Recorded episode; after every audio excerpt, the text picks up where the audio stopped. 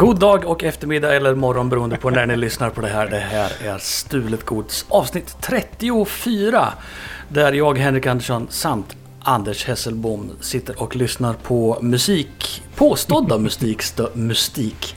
Påstådda musik. Myst, mystiska musikstölder. Och sen avgör vi huruvida det är stölder eller inte. Och sen kan lyssnar vi ibland på um, covers. Och så tänker mm. vi, är det här en bra cover? Precis, och, och, fick de göra den här covern? Du, det lackar ju mot jul. Eh, de som är i våran ålder, för oss var det väl obligatoriskt att göra såna här små marsipanfigurer. Eh, typ, ja. eller mandelmassa eller vad kan marsipan kan det ha varit. Um. Och det ska vara kantareller och ärtskidor och sånt där. Ska vara. Ja, man målade dem, eller hur? Med färg. Ja, visst. Ja, visst. Det där hade jag glömt bort. Jag tänkte mer på att man gjorde grisar som man doppade i choklad som. Det där ja. med att måla ärtor och sånt där. Just det. Alltså, det där har lite grann försvunnit, men vi pratade ja, det om det tidigare. Så. och förstå sen när man ska äta dem där. För det första så har de stått och blivit lite torra. För det andra mm. vet man att det är snoriga ungar som har knådat ihop dem. Liksom. Nej, det ja. finns bättre och sämre jultraditioner, men det var, ju, det var ju lag på att alla som var barn i slutet på 70-talet, början på 80-talet, de var tvungna att göra marsipanfigurer. Jag tror att eh, det är väl Corona som sätter stopp för det. Alltså, det är mycket, corona sätter stopp för mycket just nu, sådana här traditioner vi har. Och jag hoppas att ganska många av dem aldrig kommer tillbaka igen sen. Det är att ja. ingen säger så här, äntligen får vi göra det här igen som vi gjorde förra året, utan snarare att fan det gick ju bra ändå.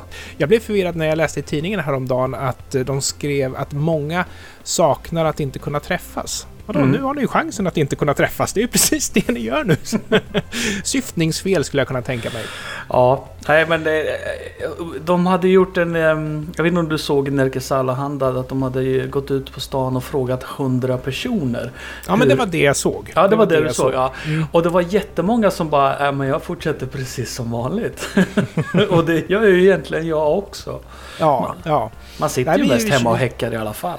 Ja, vi tar det lite försiktigt. Jag har ju en väldigt utgående livsstil, men det har garanterat definitivt fått ändra sig kan jag säga. Så mm. jag är lite så här att jag klättrar på väggarna, för det är inte riktigt min grej att sitta och vara isolerad. Liksom. Ja, men du går ju gärna ut på, du har ju äh, föreningsmöten, lite ja. sådana där grejer. Och sen är det, förstår jag, det är många som ofta går ut och lyssnar på livemusik och att det är deras mm. livsstil. Jag förstår att det, det är inte alls roligt, men det kommer ju att komma tillbaka vare sig man vill eller inte. Men ja, rent generellt det vanliga vardagslivet. Ja. ja. men alltså bara en sån här sak att uh, vi har ju spelat in i princip alla avsnitt sittandes bredvid varandra. De enda vi inte har gjort det är ju de sen coronaisoleringen liksom. Så. Ja, det är som det, det är som det. Du, vad kan du om modern popmusik? Oj. jag har en story till det här, så det, det, är inte bara det att vi ska lyssna på random jag, pop. Jag, jag kan ju säga så, så här om, om vad, jag, vad jag vet om, om modern popmusik. Jag läste alla nomineringarna till de amerikanska Grammys häromdagen. Ja. Och så tänkte jag att vad är det här för musik? du kanske har bättre koll på det här än vad jag har. För... Ja men det var såhär Beyoncé, ja men det vet jag vem det är. Sen bara, nej jag har ingen, nej, jag har ingen aning om vad Beyoncé är. Och de här som vi ska lyssna på nu, det, det, är alltså människor som jag inte har någon aning om vilka de är heller. Utan jag researchade det här eftersom det var en intressant eh, låtstöld med en liten rolig historia. Mm. Från år 2019. Det här är Kate Perry Eh, låten heter Never Really Over. Jag tänkte vi skulle lyssna på refrängen. Den låter så här.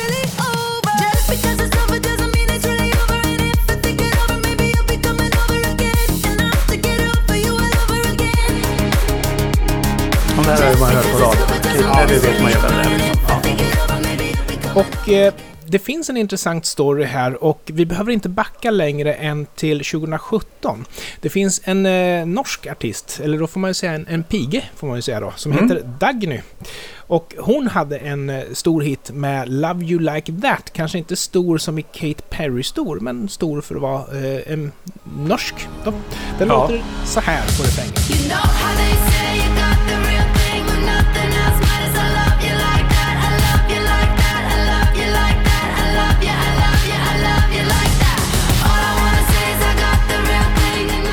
okej, okay, inte toklikt, men notera att det är samma ackordföljd och notera också att det är samma toner i melodin. Men annat sound, annat R, så inte toklikt, men rent notmässigt så är det samma. Men det finns en liten rolig bonus här. Ja, du ser ut som att du sitter och biter ja. dig i tungan här. För det här är ju någonting du tog upp för några avsnitt sedan, eller jag vet inte hur många avsnitt sedan. Det här med att hamra Ja. på en not. Ja, Ja. det relaterar ju lite grann till det. Tonic. Ja, eh, Super Tonic. Supertonic. Där Alltså tvåan. Mm, mm, mm. och, och tvåan i musikterm är inte samma sak som tvåan när man pratar om annat. Vill jag bara säga. Okej. Så, vem var det som började med flöjt i tvåan? Jag kommer inte... det är någonting helt annat. Eh, Ja. En en kul grej, lyssna gärna också på introt till de här båda låtarna. Vi kan ju ta Katy Perry... Vad heter hon? Kate eller Katy? Kate. Kate Perrys först då. I'm losing my self-control. Och notera nu när vi går över och tar Dagnys. Vi gör det på en gång. Vi tar Dagnys också på en gång. You hate that I usually don't open up. I know when I say Annan melodi, men samma synt. Samma och samma ackord. Inte riktigt samma toner de har tryckt på på tangenterna, men det är samma ackord liksom. Mm, och samma feeling.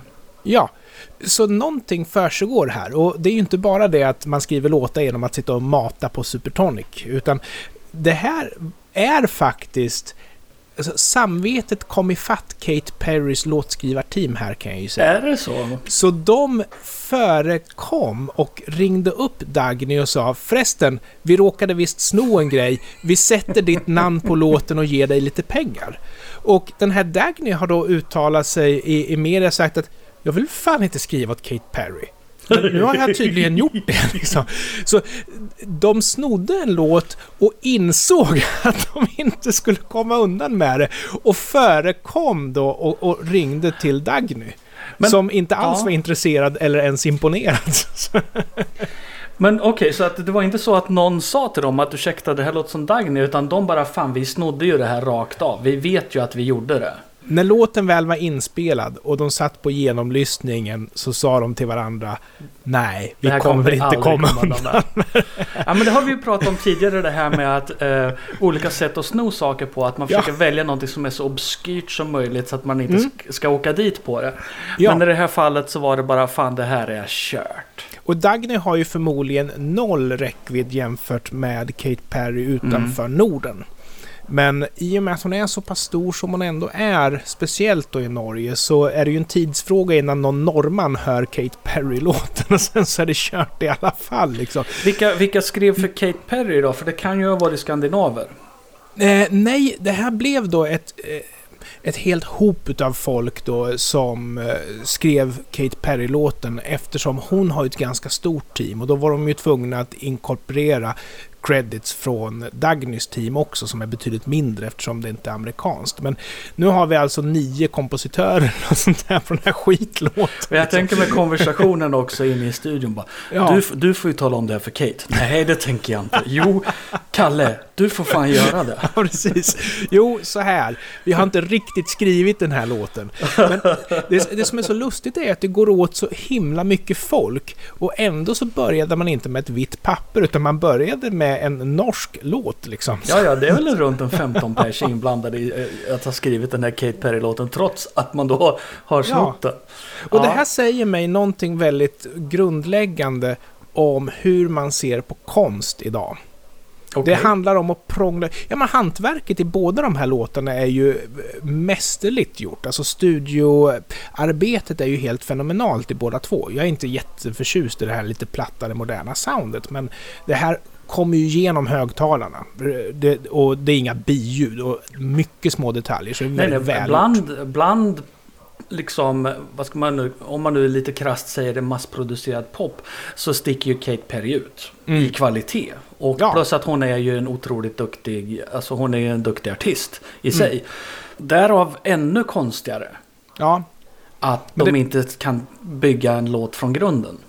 Men jag tänker ju då på det här gamla skämtet som har cirkulerat, eller memen som har cirkulerat på nätet. Liksom att eh, oh yeah, oh yeah, oh yeah, och sen så är det 78 kompositörer. Mm. Eh, Bohemian Rhapsody, en kompositör, en Ja. producent liksom. och det, så det har hänt någonting med musikbranschen, den saken är ju klar. Ja, alltså, och Kate Perry är ju den situationen att hon är en stor artist. Man måste upprätthålla den liksom populariteten. Hon måste ständigt vara aktuell därför att cash måste rulla. Eh, och så därför har hon eh, ett skivbolag i ryggen med, med förmodligen, alltså det är ju inte bara musikskapandet utan det är ju hela cirkusen kring Mm. hennes promotion, alla hennes live-grejer, tv-uppträdanden och alltihopa. Det är ju massor av människor som jobbar enkom med att främja just henne. Ja, och jag kan tänka mig att det måste väl vara fokus på YouTube just nu då. Antar jag. Ja, och diverse andra typer av live-framträdanden på nätet och, och, och Ja. så vidare. Och, och alla intervjuer och sånt där som, som kan göras ändå. Vi har ju det här med Önskekonserten i Örebro där de spelar klassisk musik. Och jag, jag brydde mig inte ens om att titta på det streamat på nätet. Därför att du har ju någon slags eh, nivå här när det gäller klassisk musik. Att sitter du i publiken så hör du ju ljudet ifrån strängarna och akustiklådorna på instrumenten. Det är liksom Mm. inte mickat på samma sätt. Och eh, om du då ska titta på det via nätet, varför inte bara köpa den på Blu-ray så får du ju mycket bättre ljud än om du tittar på någon jäkla Teams-stream liksom. Jag förstår Du inte får, nog med att bättre, du får nog bättre ljud på Blu-rayen än att sitta inne i konserthallen också. Ja. Det beror ju på var någonstans du sitter i salen.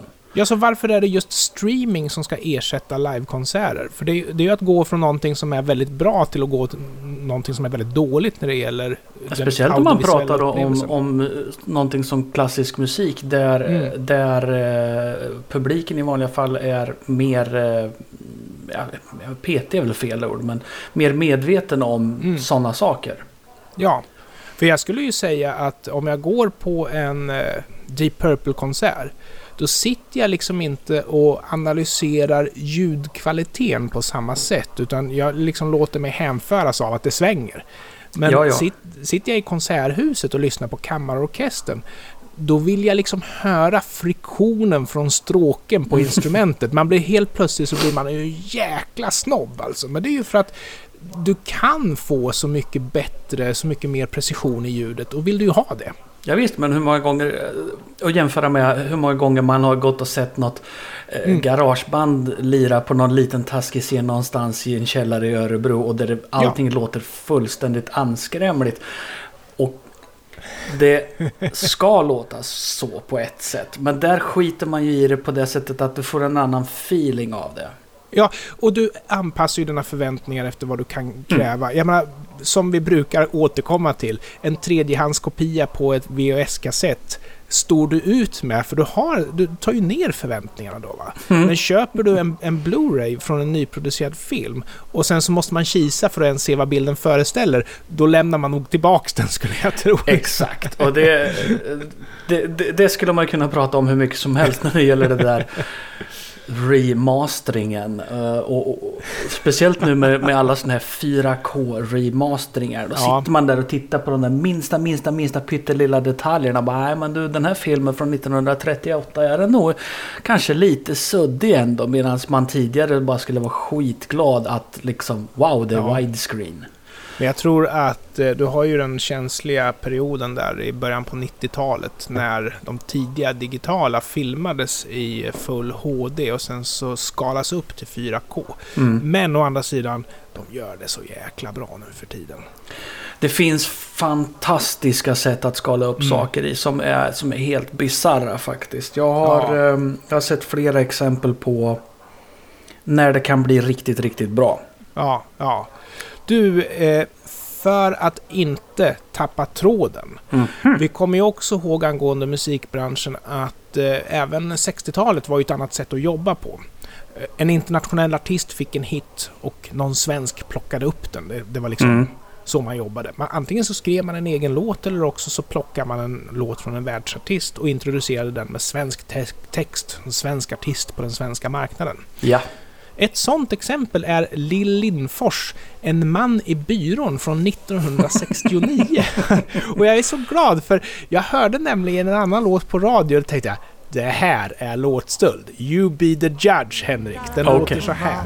i ensamhet Tänk dig att ha en man i byrån i en ask bland andra grejer. När som helst du får lust så plockar du fram din ask. Ha en man i byrån i en ask bland andra grejer. När som helst du får lust du Väldigt 1969, 65 där, ja. Ja, svulstigt producerat. och så. Ja visst, stora, vad heter det, brass... Ja, Vad heter det? det fick kosta pengar på den tiden liksom. Ja men exakt. Och det, Mm. det handlar ju rätt mycket om tricks i studion också för att få, få det att låta tjockare och maffigare än vad det är. Men det där är ju ett, eh, ett sound. Men jag gillar det soundet. Ja, jag gillar det också. Du, du hade ju faktiskt den här eh, Wall of Sound-konceptet som eh, Phil Spector var väl upphovsman till. Ja, jag gillar inte Phil Spector för jag, han sköt ihjäl Lana Clarkson. Jag kommer aldrig förlåta honom för Som det. människa så kanske han inte var sådär. Nej, han högt. kunde musik men, men eh, han, han skulle nog i, helst skaka galler om jag fick bestämma. Så. Det fick han väl göra, eller? Jag vet inte hur det där slutade, men eh, en person i hans position kan säkert köpa sig loss ifrån rättvisa också. Ja, säg inte det. James Brown klarar sig inte. Nej, just det. Det är sant. Det är sant. Och det jag misstänker, det är att den här låten, En man i byrån, jag ska ju säga att det är inte Lill Lindfors såklart som har skrivit den, utan det här är ju en sån här låt som är skriven 69 och sen så lanserad i olika länder. Mm. Men jag tror att originalet kan vara en rockgrupp som heter Unit 4 plus 2 med deras Concrete and Clay från 1965. Lyssna noga nu Henrik.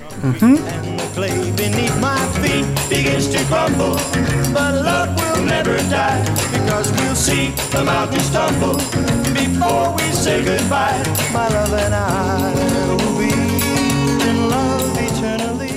där har du en annan eh, stil som är lite kul också. Ja, Eh, det låter nästan som om det står någon och spelar sked, vet du.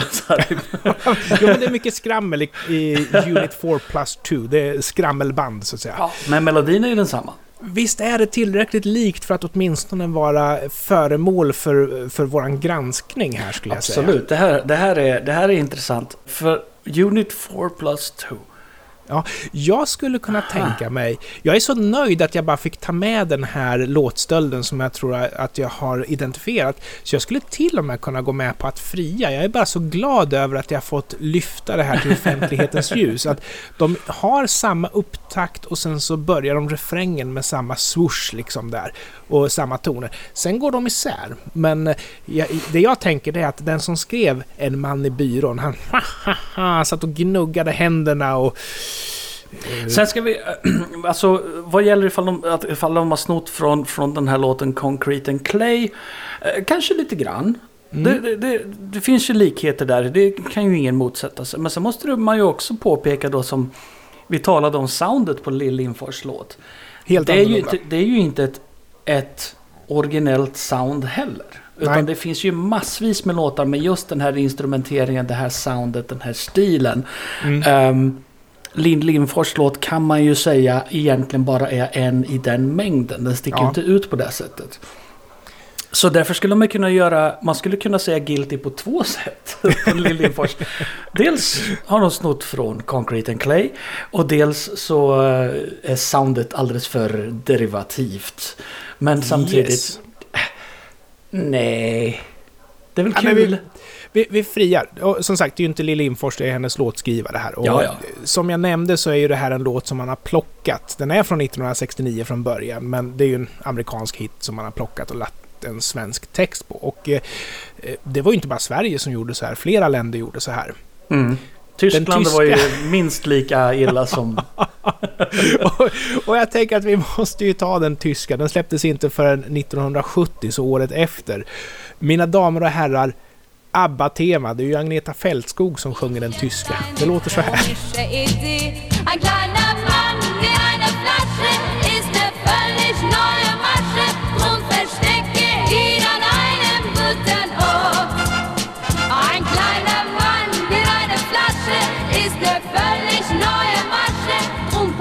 Bara, bara. Och det, det är alltså originaltexten tror jag faktiskt inte är en byrålåda utan jag tror att det är en bottle i originaltexten dessutom. Så den tyska ligger väl mera troget originalstoryn om man säger Det så. handlar väl om vad man vill rimma det med sen.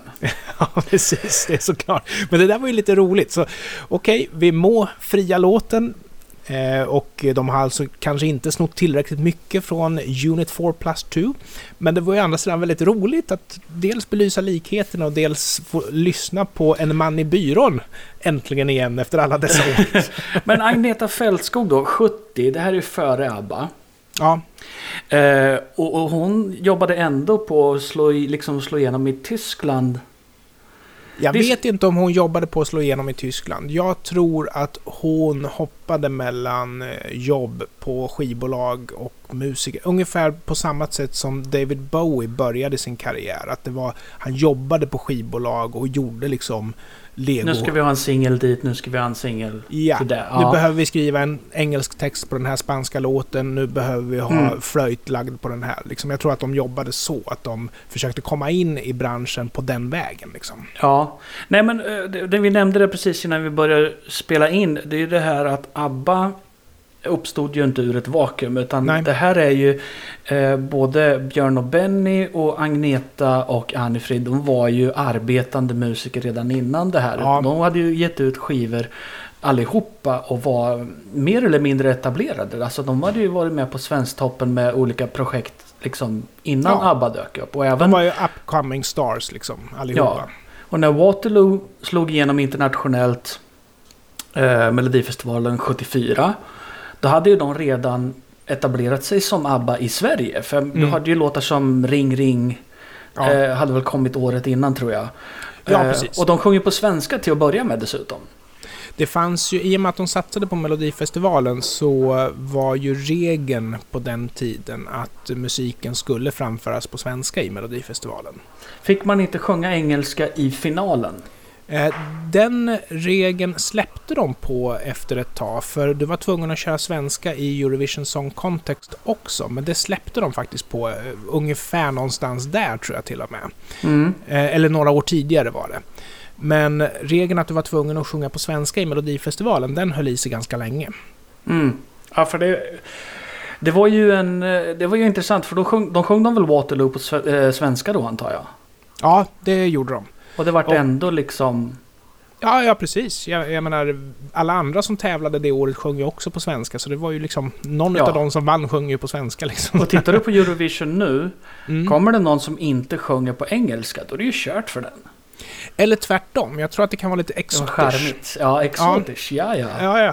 Men, men Om man inte sjunger sidan, på ruska jag tror att det börjar på att bli en publik nu i Eurovision Song Contest som faktiskt är på jakt efter musik att genuint tycka är bra.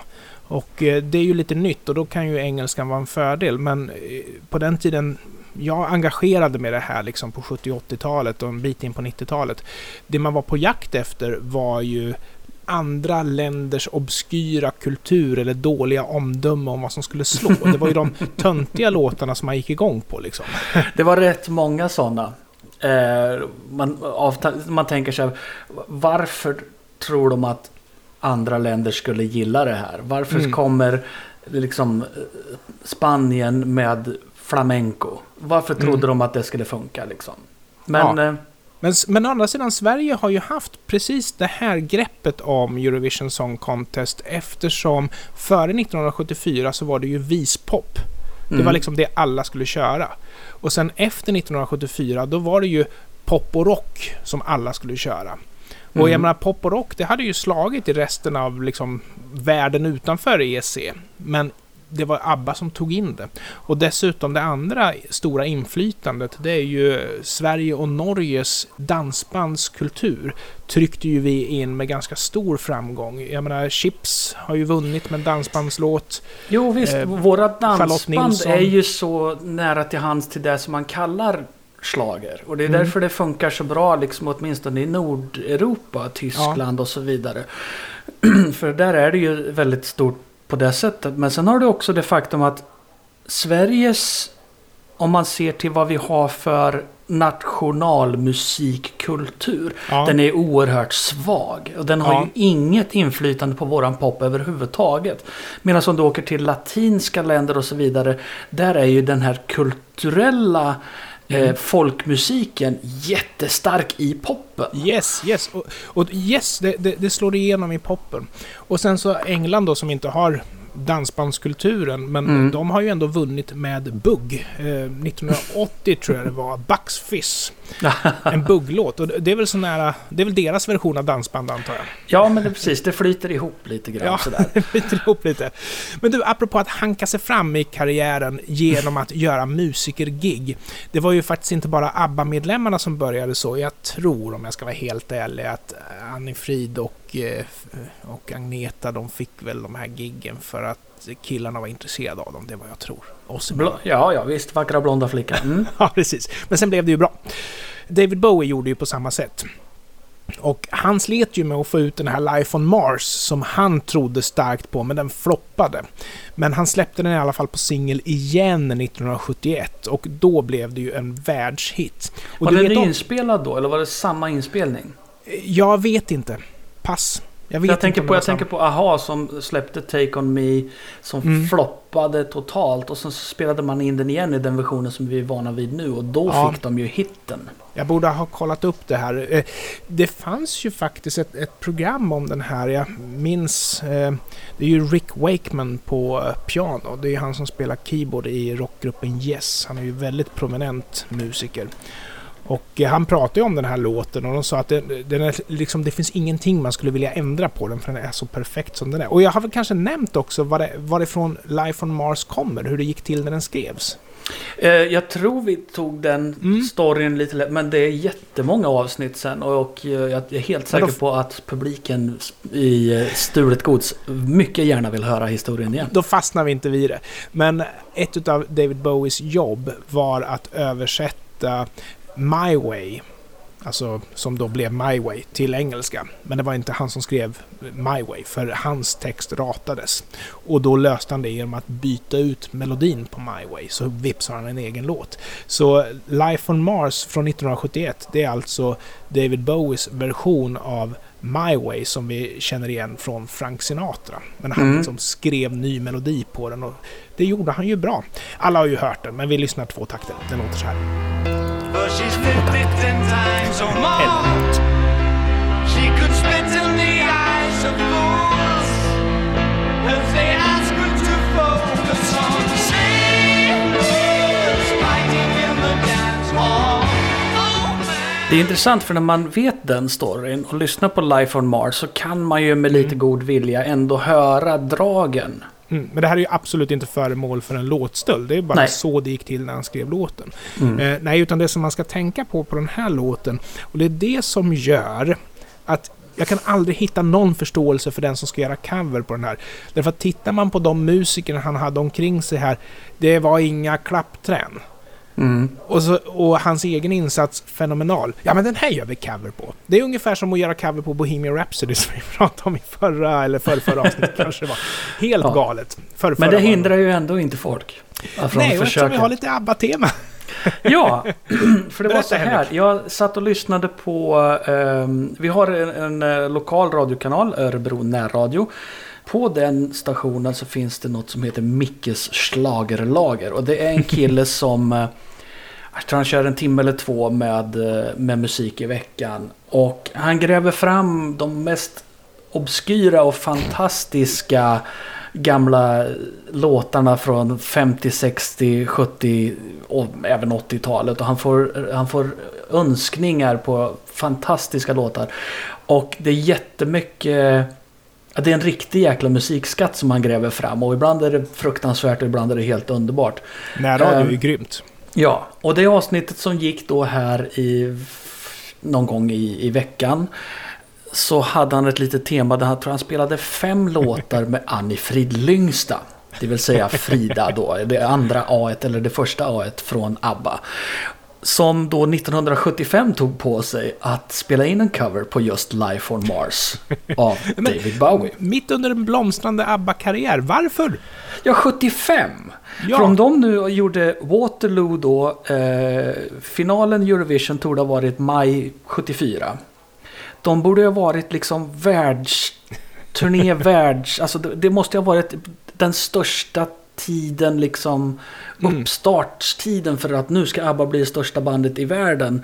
Och sen så gör hon en soloskiva mitt i alltihopa. Det, det, alltså, Alltså, Ja. jag, jag har funderat på det där och det kan ju vara så att identiteten av att det är vi fyra som har det här bandet kanske inte har satt sig liksom, utan Mm. de lullar på. Okej, ABBA råkar bli framgångsrikt, men att det var väl kanske under den här tiden som de, okej, nu jäklar, vi är ett band, nu öser vi. Men jag, jag bara gissar, jag har ingen aning.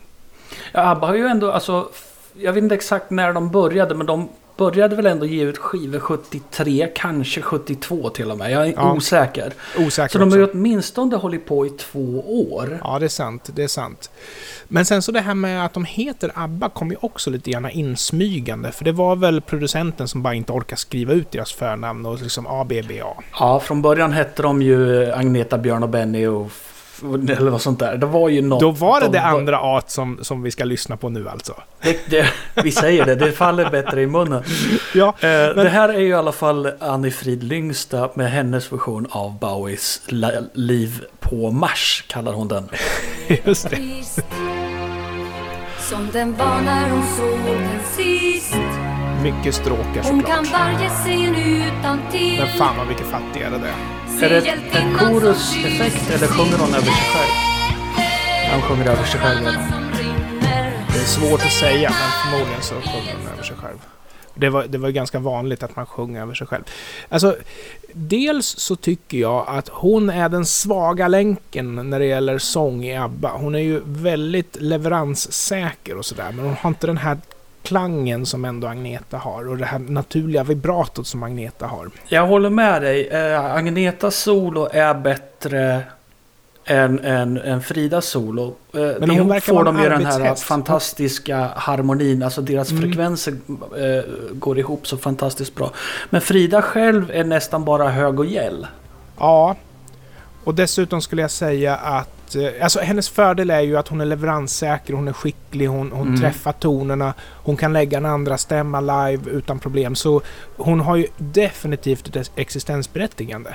Men pratar vi om den här låtens existensberättigande, vad ger den oss som inte David Bowie redan har gett oss? Ja, och, och jag vet inte. Vi kan ju bara gå tillbaka till det här med att hon vill ha den på repertoaren. Ja, frugan hon eh, tyckte att ja men det här, den här låten har man ju hört för den var ju poppis när hon var liten liksom.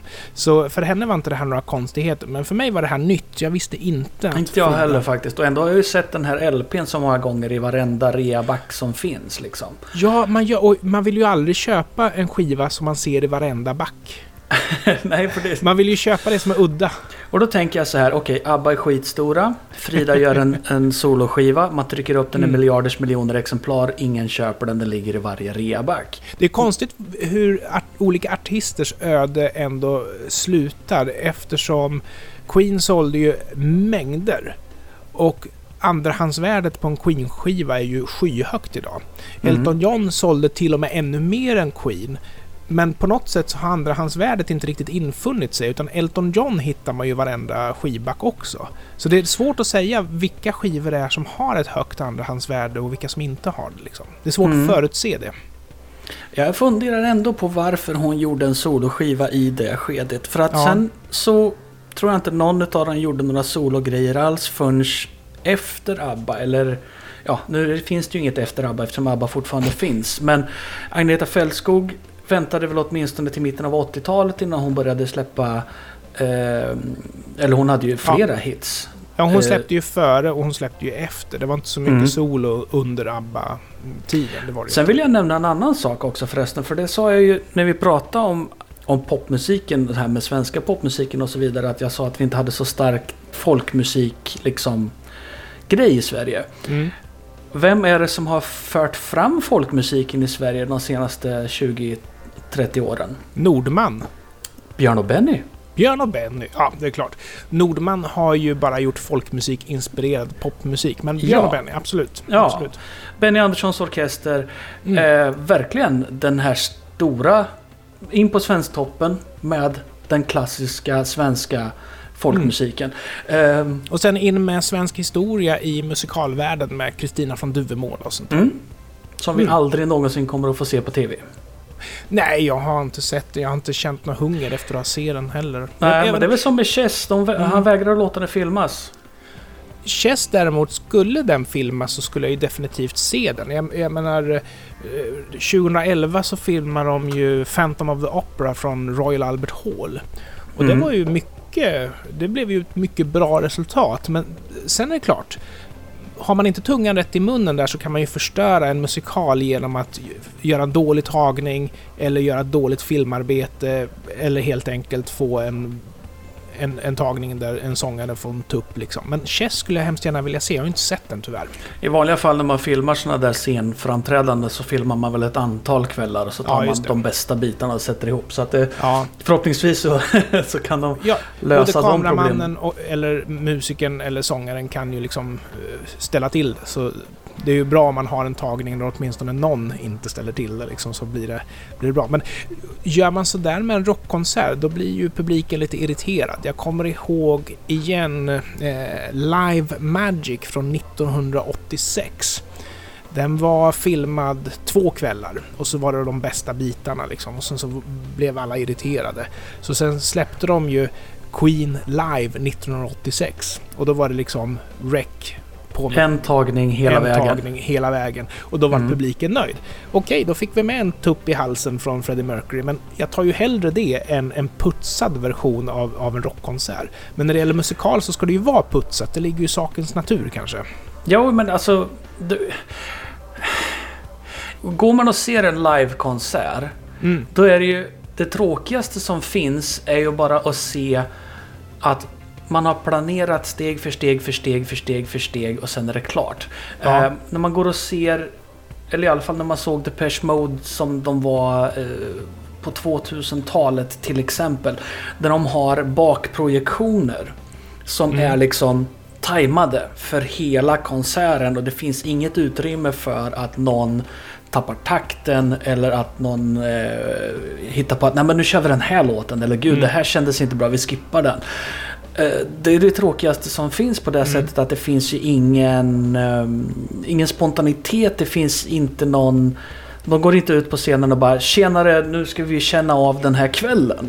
Nej, Utan det är exakt. bara att nu så De trycker vi och play spelar. och sen så tar bandet slut här. Och förmodligen så har de, om de ändå måste hålla sig i synk med videon, då har de förmodligen en backtrack. För om de ändå måste hålla sig i synk Mm. så kan de förmodligen ha en backtrack. Och då har de förmodligen några syntmattor eller någonting som ligger, Ja. ligger på det där. Och, Och går, eh, du och ser, går du och ser Bruce Springsteen, går du och ser eh, Ja, Ulf Lundell eller någonting i den Mm. stilen. Han, de har ju, han har ju tusen låtar i skallen. Mm. Och sen bara, idag kör vi den här. Ja, exakt, exakt. Och eh, det, det är ju det som jag brukar säga, stora skillnaden mellan Pink Floyd, liksom där allting är- är förutbestämt in i minsta detalj, och Deep Purple som liksom inte ens har in-ears, de bara monitorlådor och kör de låtar de kommer på liksom. Så, så det, det, de är ju varandras extrema motsatser. Och sen så har du den andra aspekten av det här, det är ju att de stackarna som var på just det här specifika gigget på Wembley 1986, just det här datumet. Vad Mm. blir inte skivan värd för dem om det är så att det är oklippt tagning liksom? Ja, exakt. Det, den, den blir ju värd hur mycket som helst för dem liksom. Jag såg ju eh, Beck live i, eh, på en festival i Stockholm 1996. Och Mm. eh, en av de låtarna som jag eh, som fastnade för mig var att han körde en, en, en munspelslåt som heter One Foot in the Grave. Och jag kommer ihåg det så tydligt för han, gjorde- han körde verserna i fel ordning. Och sen körde de den här spelningen på P3. Ja. Och den låten var bortklippt. Aha! Och jag bara nej, fan ta er. Det var den biten jag ville ha. Det var den jag ville höra igen liksom. Ja, ja. Ja, Nej men för att avsluta det här, det var hemskt roligt att få höra Liv på Mars med Anne mest Frid. hemskt. Jag får väl, ja, jag får väl köpa den där skivan nästa gång jag går och gräver i någon loppisback. Jag tänkte men, precis samma sak. Men jag måste inflika ändå att musiken på Fridas version är Ja.